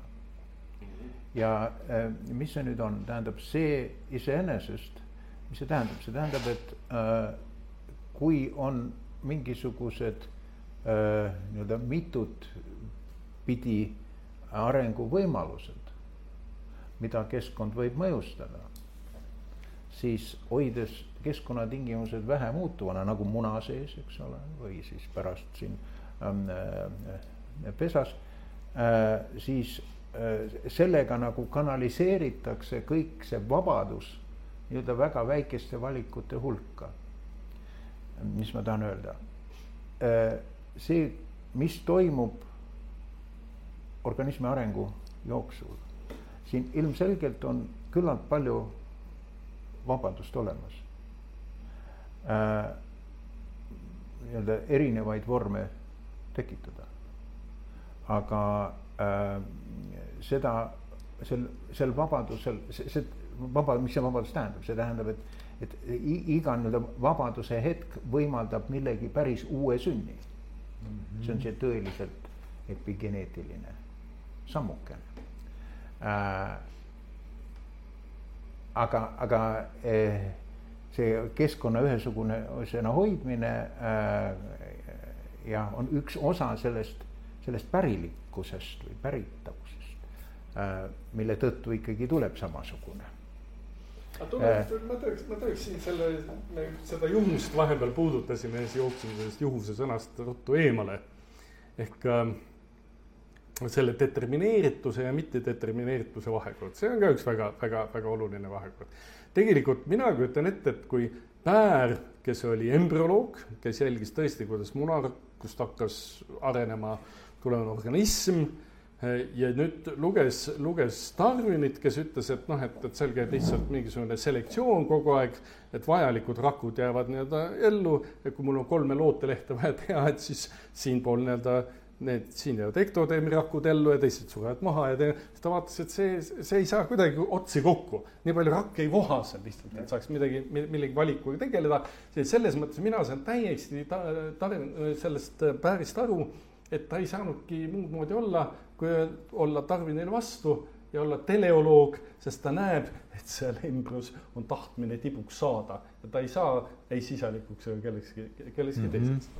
nüüd kui minna nüüd selle juhuse juurde, siis minul on tunne, et kaugeltki kõik ei ole seal determineeritud, ütleme, kui me hakkame selle algus on üks rakk ja temast saab kaks ja siis saab neli ja kaheksa rakku, et sina lähed nüüd närvirakuks ja sina lähed mingiks lihasrakuks ja asjaks, vaid seal hakkab tekkima see vabadus. tegelikult paljud asjad looduses ju ei juhtu mitte sellepärast, et ta on kuidagi määratud juhtuma, vaid ta juhtub sellepärast, et ta saab juhtuda eks ju. miski, miski ei keela teda ja sellepärast saabki. ütleme embrüonaalses arengus me teame, teame päris, me vaatame siin ka, ütleme tüvirakke vaatame, need on hästi, hästi varajase järgu rakud, mingi nelja-viie päeva vanuse inimese embrüorakud. Nendes töötavad kõikvõimalikud geenid kõikvõimalikud geenid on sisse lülitatud, ühes ühesugused, teised teistsugused, aga, aga, aga selline noh, totaalne segadus nagu lapsed mängivad, tormavad igale poole, karjuvad, lärmavad, selline, selline igasugune asi käib. ja nüüd mingisugused äh, arengusuunad tegelikult tekivad selles mõttes juhuslikult, et mingi õige kombinatsioon parajasti selles rakus tekib. ja kui selles rakus tekib õige kombinatsioon, siis ta läheb, ta läheb neuraalse arenguteed. ja siis ta ütleb, et ahaa, teised, teised enam ei puutu minusse, eks ole, mina lähen seda, seda arenguteed ehk see algus ja seda kasutab loodus täiesti palju ära, kus on väga palju asju korraga vaja reguleerida. ta ei ole välja kujundanud mitte niimoodi, et nüüd see lüliti ja siis see lülitab selle sisse ja see lülitab selle sisse, vaid paneme kõik lülitid tööle ja mis, mis õige lüliti oli, see läheb, see läheb sealt edasi mm. -hmm selle nii-öelda filosoofiline pool on muidugi selles, et vaat, kui sul on deterministlik süsteem kogu aeg, et noh, et algusest saati on kuskil kirjas et sellest rakust tulevad seal lihased ja sellest need, siis alati sa pead küsima, aga kus see kirjas on?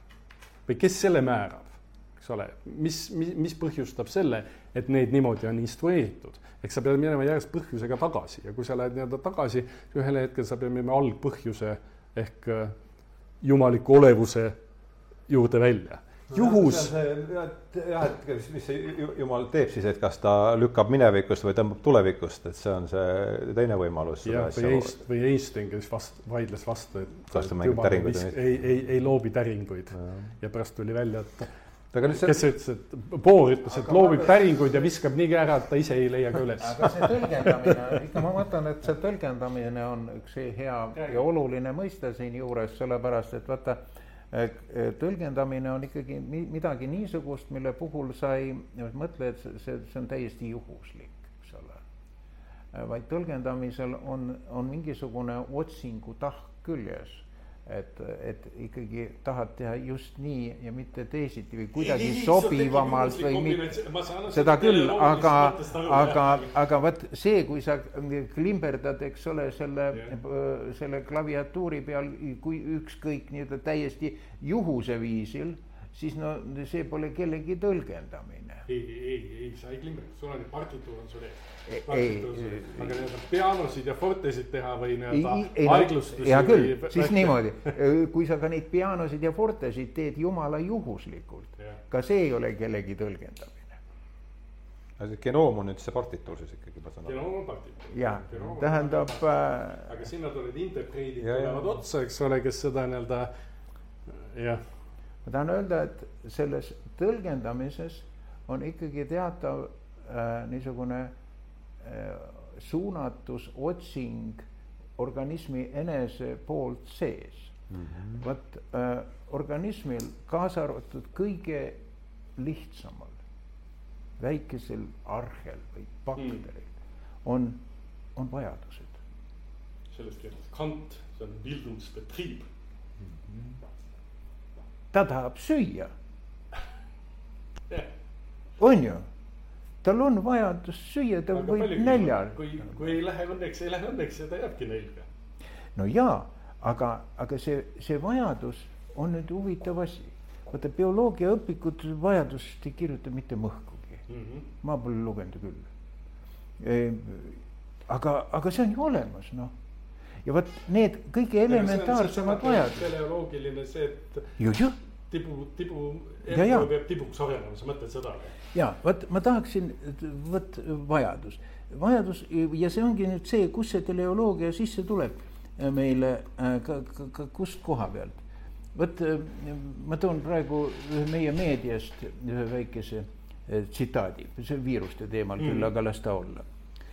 mis just hiljuti lugesin.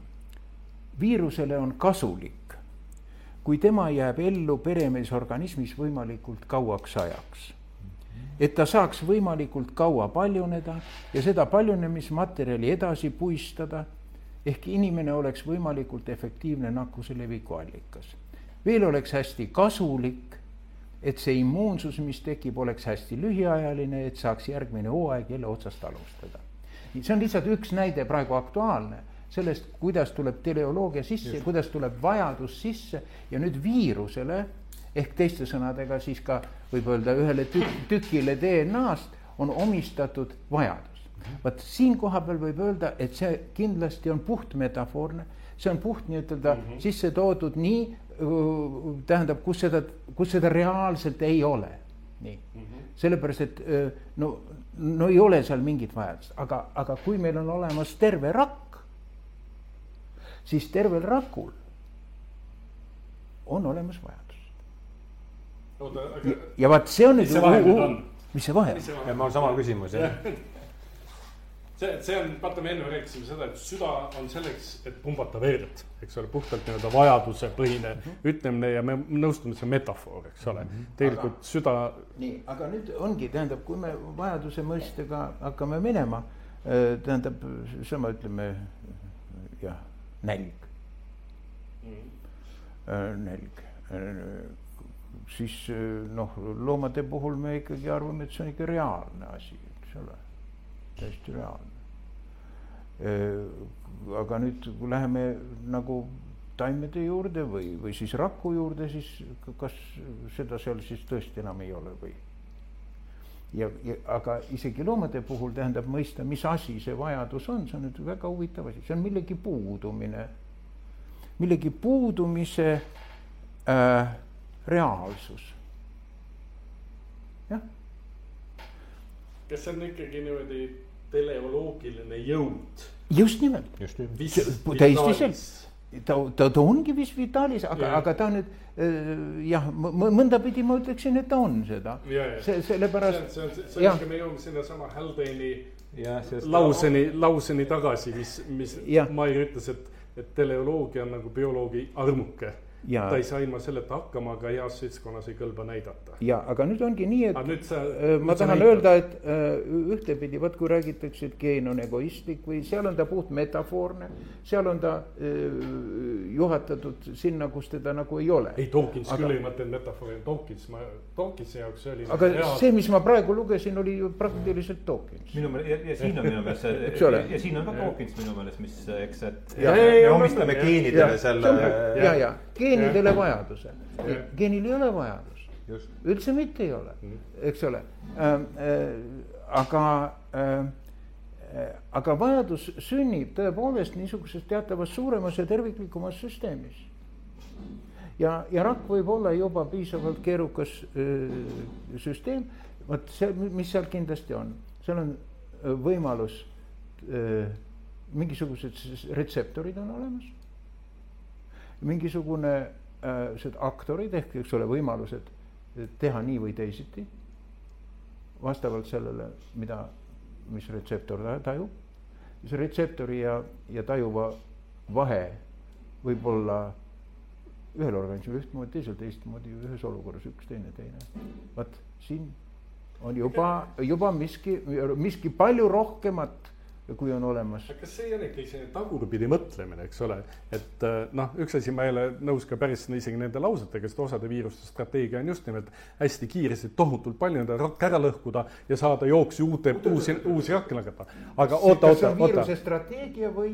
oota, oota, oota, oota, aga ma tahangi öelda, et see kõik meil on nagu tagantjärele mõtlemine, eks ole, et tegelikult ju seda vajadust ei ole, ole., vaid me ise, see, see, see vajadus on meie peas, mitte rakus nii, tähendab äh, ainult, et nüüd, kas ikka ainult inimese peas või kas ikka sisalikul on tõeliselt olemas janu? sinu või ainult meie kirjelduses? ei, sisalikul janu olemas. on, on jah ja. ja., sisalikul on jah. füsioloogiline vajadus. ja, ja, ja, ja, ja nüüd ja. tähendab, aga, aga seal munas, kui see embrüo areneb, kas siis vajadus tekib või inimesel seal neljakümnendal päeval poistel või?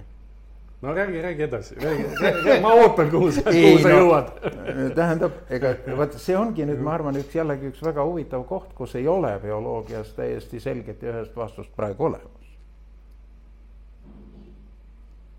vajaduse mõiste ise ei ole noh, nii täpselt määratletud, tõlgenduse mõiste ei ole nii täpselt määratletud, me nii täpselt saaksime ka vastata küll aga see on minu arust küsimus, jah. et kas see neodarvinistlikus, neodarvinistlikus peavoolus ei ole vajaduse mõiste üldse, on täiesti väljas sellest? no tähendab, tõepoolest ei tule teda, teda, teda ei tule vaja seal mm. -hmm. sellepärast, et igasugune teleoloogiline, noh, ikkagi see on, on. seesama armukese lugu ta,. tasub ikka, tasub ikka, tasub ikka eemale hoida, jah, jah ja, ja, ja taht-, seda ma tahtsin ka vahepeal küsida, et vitalism ja teleoloogia on omavahel tihedalt, kui tihedalt seotud?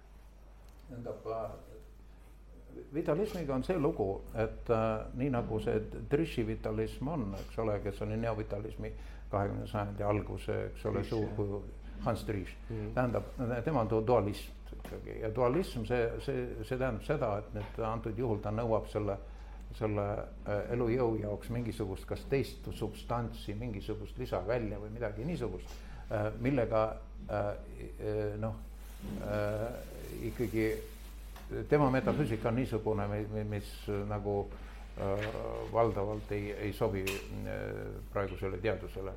ei, ei, ei, ei toeta mina seda ega, ega valdavalt mitte.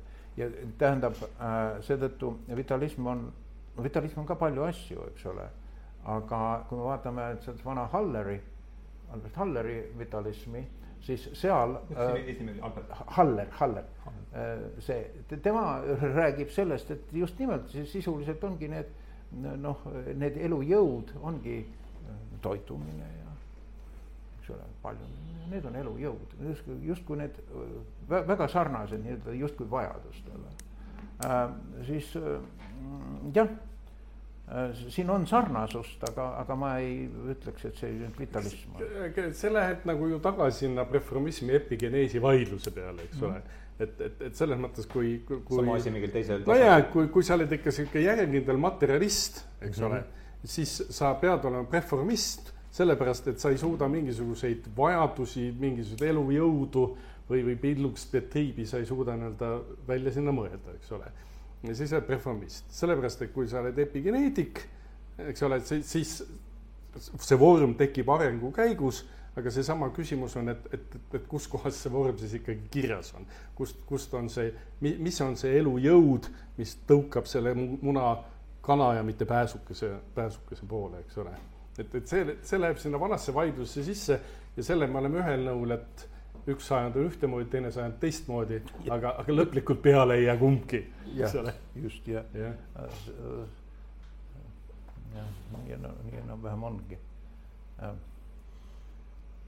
aga jah, ma mulle tundub küll, et suurel määral see, see vaidlus preformismi ja epigenetiga vahel on küsimus äh, vabaduse olemasolust, vabaduse määrast mm, -hmm. äh, vabaduse rollist mm. -hmm. See on see, kus nüüd nagu, kust, kust uus info mm -hmm. üldse sündida saab ja selle asja juures. aga see on juba päris hästi, me oleme jõudnud mitmes kohas sinnani välja, mida lihtsalt ei tea. ja see on, see on, päris, see on hea. see on päris hea, jah. jah. huvitav. jah, jah, jah ma ütleks siis, me oleme siin juba poolteist tundi hakkab täis saama, et me oleme siin viimases kolmandikus tõenäoliselt, me paar asja, mis mulle jäid siin kõrva.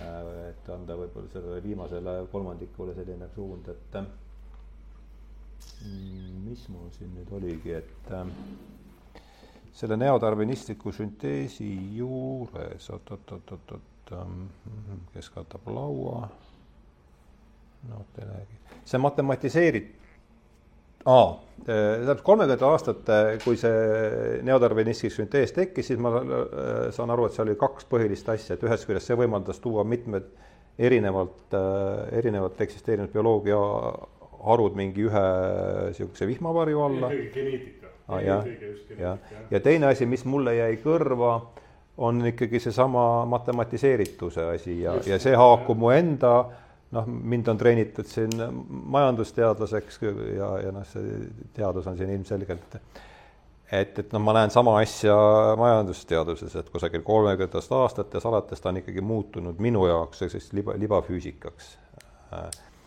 et kas, kui palju ja kas siin ei ole mitte sellist üldist filosoofilist, kõik see tähelepanu keskendumine analüütilisele filosoofiale, et kas see, kuidas, kuidas te et kuidas te vaat-, kuidas te näeksite selles noh, kontekstis, kuidas bioloogia sellesse, ma lihtsalt näen siin mingi, mingeid sarnasusi sellise suure, järjest suurema formalismi poole, et et mul tuleb meelde see Scrutoni, Roger Scrutoni lause, et analüütiline filosoofia annab täpseid vastuseid ebahuvitavatele probleemidele ja kontinentaalne filosoofia annab väga ähmaseid vastuseid huvitavatele küsimustele, et, et kuidas selles kontekstis nüüd bioloogia?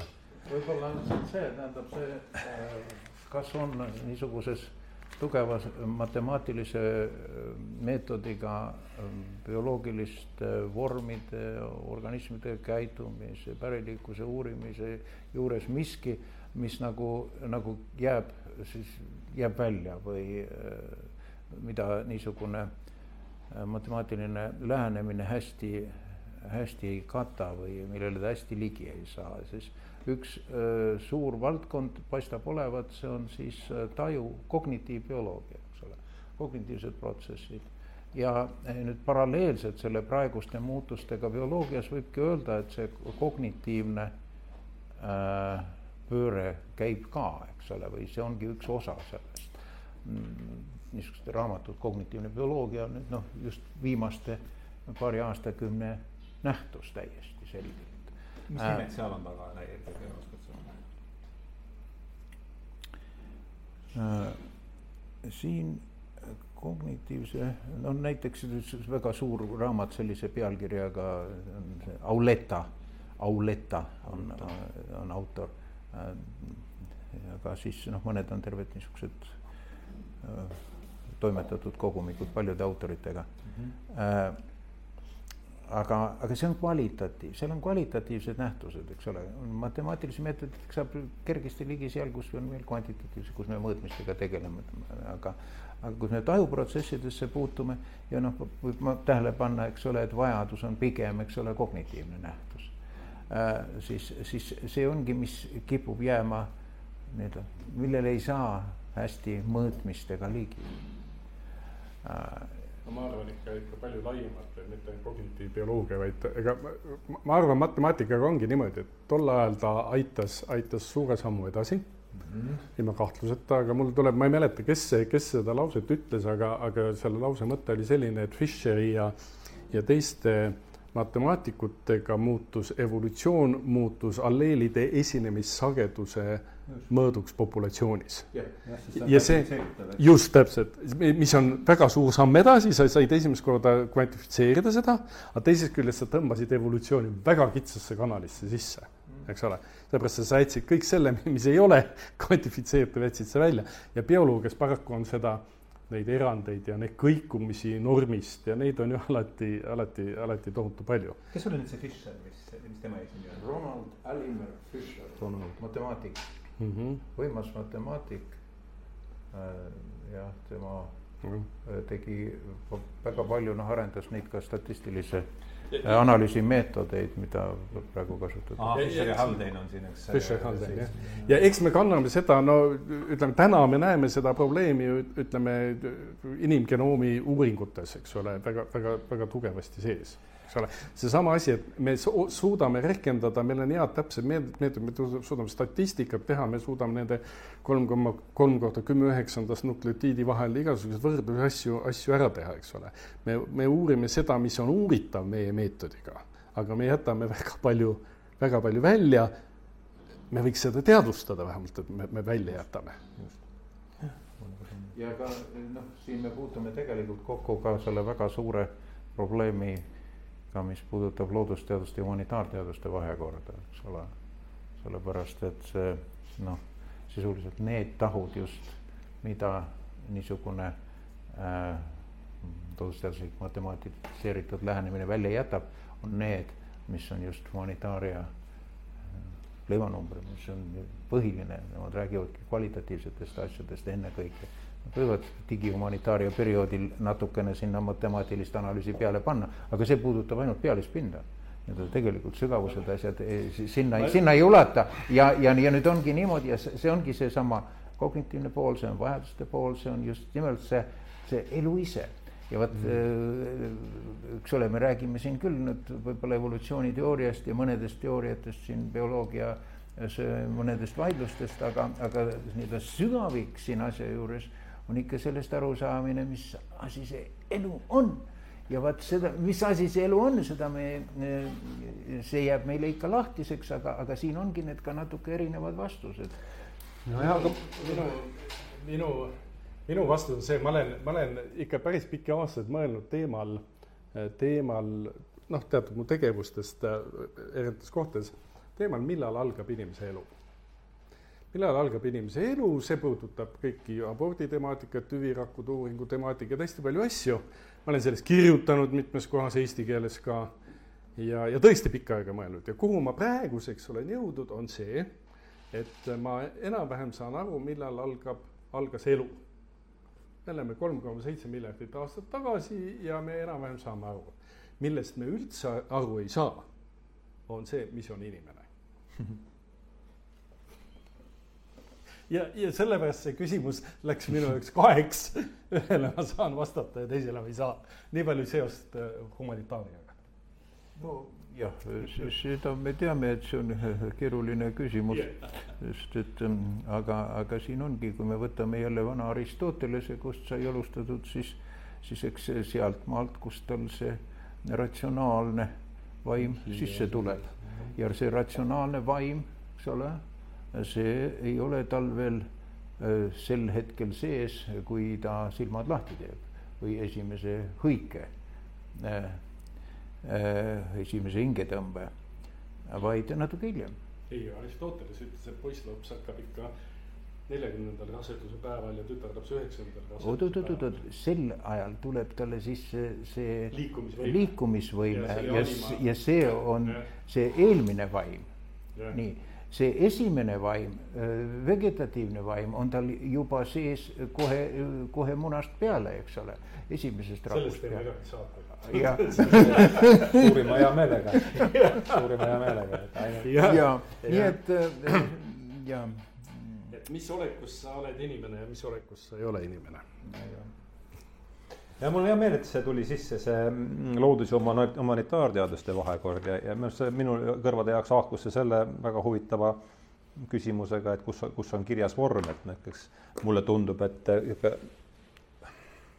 suur ilukirjandus ja ta sisult, sisult ju otsibki vastust sellele küsimusele, et mis on need arhetüübid, et et Raskolnikov on tõenäoliselt palju, kuidas ütelda, palju reaalsem kui kõik need tuhanded Raskolnikovi laadsed tegelased, kes tol ajal Venemaal ringi haudusid oma seda, et ja, ja see liigne keskendumine matemaatikale mulle, mulle tundub, et kas, et kas see ei, ei juhi meie tähelepanu nendelt vormi, vormidelt kõrvale. siin on kaks poolt, tähendab, me, me, me jõudsime sinnamaale, et, et me ei saa ilma selle keskendumiseta ühele väga kitsale ja asjale, et minna sügavuti.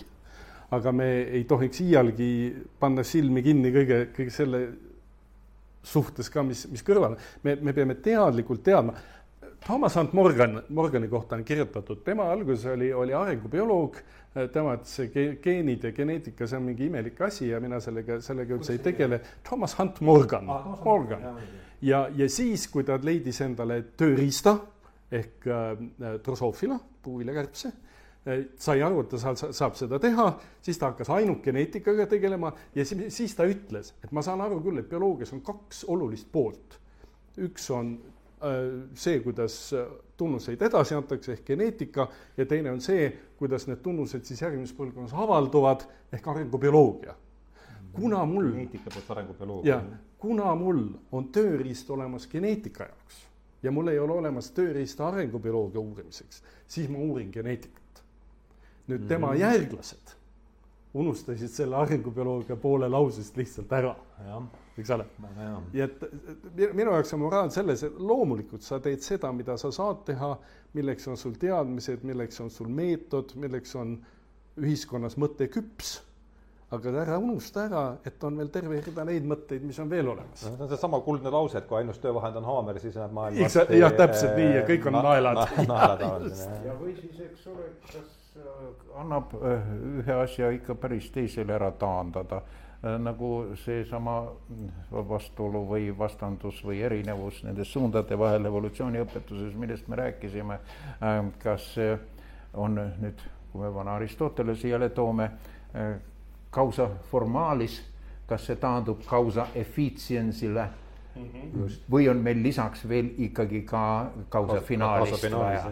nii, tähendab, äh, see on huvitav see, et me näeme äh, neid vanu eristusi tänapäevastes äh, dispuutides sees olevat, ükskõik kas siis eksplitsiitselt väljendatuna või, või varjatuna ja tähelepandamatuna, aga see oli siin ka praegu sees just, et mul on ka, mida rohkem ma kuulan, mulle tundub, et me läheme Platoni ja Aristotelese juurde kuidagi tagasi, et see molekulaarbioloogia üritab sinna sügavale, sügavale minnes äh, unustab ära selle laia pildi ja, ja no selge see, et kui me teeme mingeid üldistusi, siis me oleme, siis me oleme Platoni vaimus, eks ole, jah, mingite asjade ühiseid omadusi või, või essentse, siis me, siis me oleme seal.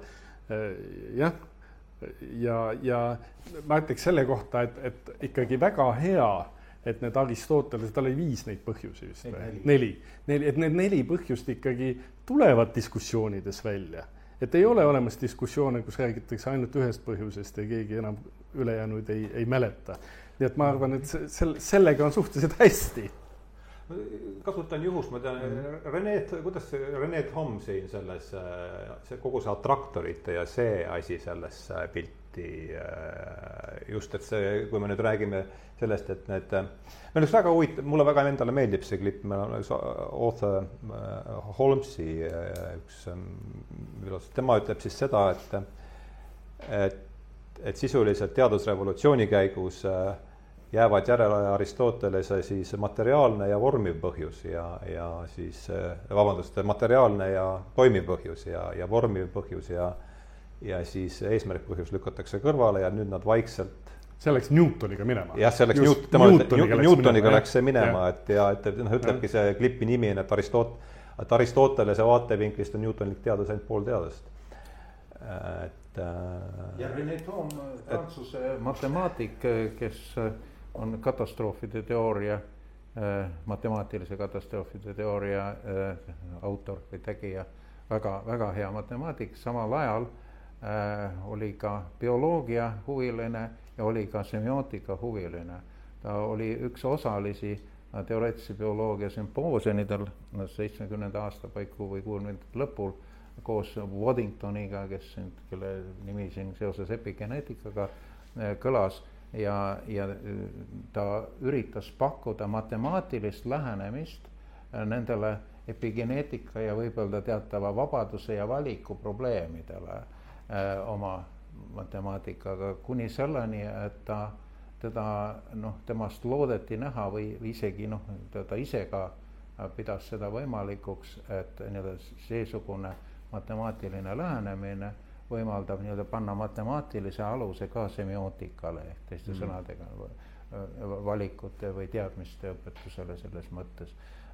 aga sellel teel on, ma ütleksin, veel üksjagu minna kas ma saan aru, et see, see semiootika toob nüüd selle, see semiootika otsib tähendust, eks ja sellega ikkagi see kuidagi tuleb see minu jaoks hakkab see, see Aristotelese eesmärk-põhjuse hõng nagu selle, kas see toob kuidagi tagasi selle? no kindlasti tähendab seesama kausa finaali see tahk, aga, aga nüüd täiesti võib-olla öelda tänapäevaste teadmiste, kaasa arvatud tänapäevaste füüsika, matemaatika teadmiste valguses juba täiesti uuel kujul mm. -hmm, õige, õige. jah. väga huvitav no nii, tähendab väga võrratu on juttu ajada nii intelligentsete inimestega ja suur tänu selle eest võimaluse eest. ja nii, et sa, sa vaatasid kella, ma saan aru praegu, Kalevi et hakkame kokku tõmbama no,, oli see mõte sul praegu? me oleme juba nii raskete küsimuste juurde jõudnud, et vahepeal vist peab mõtlemise ajaga võtma. aga see on väga, aga siis võtamegi siis asja, asja kokku, et ma oleks selle võtnud kella järgi, oleks ka õige pea selle jutu ise kokku, et sinna selle ettepaneku teinud. aga jah, väga huvitav, neli põhi, nelja põhjuse juures jälle tagasi. aga teeme siis lõpetuseks sellise hoopis teisest ooperist, et sama, sama küsimus, mida ma küsisin eelmiste, eelmises saates külaliste käest, et meil on siin niisugune küllaltki noh, ütleme, ta, ma usun, et te nõustute minuga, et meil on selja taga meeldejääv kevad äh, vast. et mis on teie jaoks äh, noh, kas nüüd õppetund või, või midagi sellist, mis teie jaoks isiklikult sellest kevadest, no ma, ma pean kogu, kogu seda suuremat äh, asja silmas, et mis, mis on teie jaoks see, mis, mis jäi meelde või järeldus või õppetund, ükskõik kuidas me seda nimetate, ma aru kujutan ette, et saate aru, kuhu ma, mida, mida ma mõtlen. ma ütleks nii, et kui ma olin noor mees, siis minu kadunud isa ütles, et kui sa hakkad naist võtma, siis äh, mine temaga kuskile matkale ja mida raskem matk, seda parem sest äh, erakorralistes olukordades saad sa õige kiiresti selgeks, kellega sul tegemist on. ja vot selline erakorraline olukord, nagu meil oli, töötabki mm. minu arust väga hästi selleks, et me näeme, kes on, kuidas sai sellega hakkama meie, meie lähedased inimesed, kuidas sai meie ülikool hakkama, kuidas Eesti riik sai hakkama. ehk tegelikult äh, kõik näitasid ennast, mis nad, mis nad tegelikult mm., tegelikult on. ja, ja minu arust äh, ei tohiks seda nüüd äh, kasutamata, seda õppetundi jätta, vaid, vaid tulekski selgelt analüüsida, äh, mis siis, mis siis tegelikult on. noh, selliseid, mina enda jaoks olen, ütleme siin õppejõuna, ma olen täiesti selgeks saanud selle, et arvuti on üks hea abivahend õpetajale, sama tüüpi abivahend nagu tahvel ja kriit tahvel ja kriit ise ei õpeta õpilast mitte kunagi. aga kui nad olemas on, siis õpetaja saab nii-öelda näitlikustada ja oma, oma sõnumit selge, selgemaks teha. arvuti ei hakka iial õpetama mitte kedagi. haridus hakkab sealt peale, kus üks äh, füüsiliselt saavad kokku kaks inimest.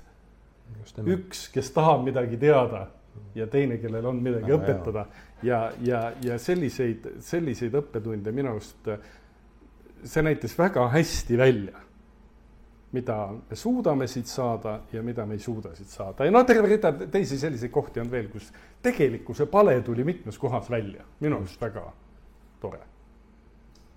jah, tähendab, ma mõtlen natuke siin niisuguses ökoloogilis-rohelises vaates ja, ja sellesuunalistes õppetundides, sellepärast et äh, selle äh, kevade äh, võimalikkus on, on suuresti seotud sellega, millele tähelepanu juhtis Pentti Lingola. tähendab too much, liiga palju kommunikatsiooni, liiga palju reisimist. tähendab see üldse, mis, mille tõttu on, on niisugune asi võimalik, et globaalselt äh, äh, nii järsk globaalne muutus inimeste käitumistes ja reeglites on võimalik ainult tänu sellele väga kiirele sotsiaalsele kommunikatsioonile ja selle tehnoloogilistele vahenditele, muidu seda ei saa olla. Ja teiselt poolt niisugune kiire, eks ole, mingisuguse ähm, pandeemia liikumine on võimalik ikkagi tänu sellele inimeste endi äh, niivõrd tihedale ka füüsilisele suhtlemisele, liikumisele, eks ole. Need, need kaks nähtust, mis, mis praeguse aja, praeguse ajaga suuresti iseloomustavad ja mis iseenesest on mõlemad väga äh, keerulisi probleeme tekitavad ja väga tugevasti äh, kogu Äh, kogu tsivilisatsiooni, kogu kultuuri labiliseerivad. Selles mõttes väga ohtlikud. See noh, selline, see on nüüd üks näide, aga ja, ja teiselt poolt siis see, et siiski on võimalik natukene aeglustada. tähendab, see aeglustamine on üks ilmselt üks, üks neid asju, mida mis nagu ökoloogilisest mõtlemisest järeldub, et see on tarvilik. viieteistkümnenda sajandi meetoditega. Äh, tähendab, äh, aga nüüd kuidas ja mil viisil, sest see ei olnud praegu nii-ütelda planeeritud aeglustamine aga, aga see elu aeglustamine, mis võimaldaks mõtlemisele rohkem ruumi, on ilmselt ikkagi väga tähtis mm. -hmm jah, see paar päeva tagasi, kui Jonathan Haidt on üks, mis ta siis on, USA ta on psühholoog või? et äh, päris hea kujund, et oletame, et kui nüüd äh, jumal või kes ta ka ei oleks, et muudaks ära gravitatsiooni konstandi. kor-, noh, ma ei tea, korrutaks selle mm. kahega või kolmega, et no tõenäoliselt hakkaks, hakkaks juhtuma terve rida imelikke asju, eks, et lennata oleks keeruline ja, ja ja ole mis suunas muidugi, aga et, et sisuliselt sotsiaalmeedia on sama asja teinud äh, meie inimeste vahelises suhtlemismaailmas on see, on see gravitatsiooni konstant viimase kümne aasta jooksul muutunud, et me punkt üks, suhtlemine asendub see, et äh, priva-, privaatsuhtlemine asendub avaliku suhtlemisega, mida kõik siis veel kogu aeg Facebooki äh, kontekstis veel teised veel hindavad ka samal ajal, et see on põhimõtteline sellise sotsiaalse gravitatsiooni konstandi muutumine, mis tundus mulle, ma ei tea, mis te sellest mõtlesite? no siin me nüüd äh, Youtube'is räägime Kaleviga. muidu oleks, vanal ajal oleks lihtsalt kahekesi klaretti limpsinud ja mõtteid vahetanud ja, ja oleks kõik väärtuslik jutt ainult kaotsi ei tea jah, jah. aga see, see on õige küll, et aega mõtlemiseks on, on hädasti vaja. Aga ega muidugi selline, selline ärev situatsioon ei soodusta muidugi kontsentreerumist. ma, ma ise tundsin, et püüdsin mingit artiklit või midagi kirjutada, tundub, et nagu vaba aega on palju, palju käes, eks ole, aga, aga ilmselt ikkagi on mingit, on, on mingit rahu ja mingit kindlust vaja selleks, et sul lasta mõtet jooksma, ma ei tea, kuidas sul? hommikurahu. hommikurahu jah, väga oluline asi. no selge, aga ma loodan, et siis see meie tänane kolmekõne siin annab vähemasti mõnele inimesele mõtteainet ja ja nüüd on, tundub, et oleme mingises väikeses paanikate vahelises perioodis, et, et kasutame seda siis, kasutame seda siis ära ja mulle, mulle ka tundub, et see aeglustamise vaja, aeglustamise tarvilikkus on, on siin üks oluline asi kogu selles loos. aga tõmbame siia alla täna või? kena. et äh, oli suur rõõm äh,, ootasin põnevusega seda vestlust ja, ja mul on väga hea meel, et see aset leidis, et äh, olime siis täna eetris sel hooajal teist korda, rääkisime epigeneetilisest pöördest ja minu äh, saatekülalisteks olid siis Kalevi Kull ja, ja Toivo Maimets ja Maimets. ja me oleme nüüd siis eet-, järgmist korda eetris juba reedel jälle otse Tallinnasse seekord juba ja ja, ja saatekülalisteks on siis Aapo Pukk ja, ja Meego Remmel ja, ja räägime siis see rattad või rööpad, mis selle vestluse kokku käima lükkavad, on siis Caravaggio maal pöördumine teel Damaskusesse, et räägime, vaatame, kuhu see jutt meid kannab, et loodetavasti saab see olema sama huvitav kui, kui tänane ja ja olen tänulik kõigile, kes on teinud on võimalikuks niimoodi aega veeta, et saab huvitavate inimestega käia rääkimas, see on ikkagi suur-suur privileeg ja, ja tänan kõiki, kes on saate võimalikuks teinud ja tänan teid, et te tulite ja ja soovin, soovin teile kõigile head suve jätku.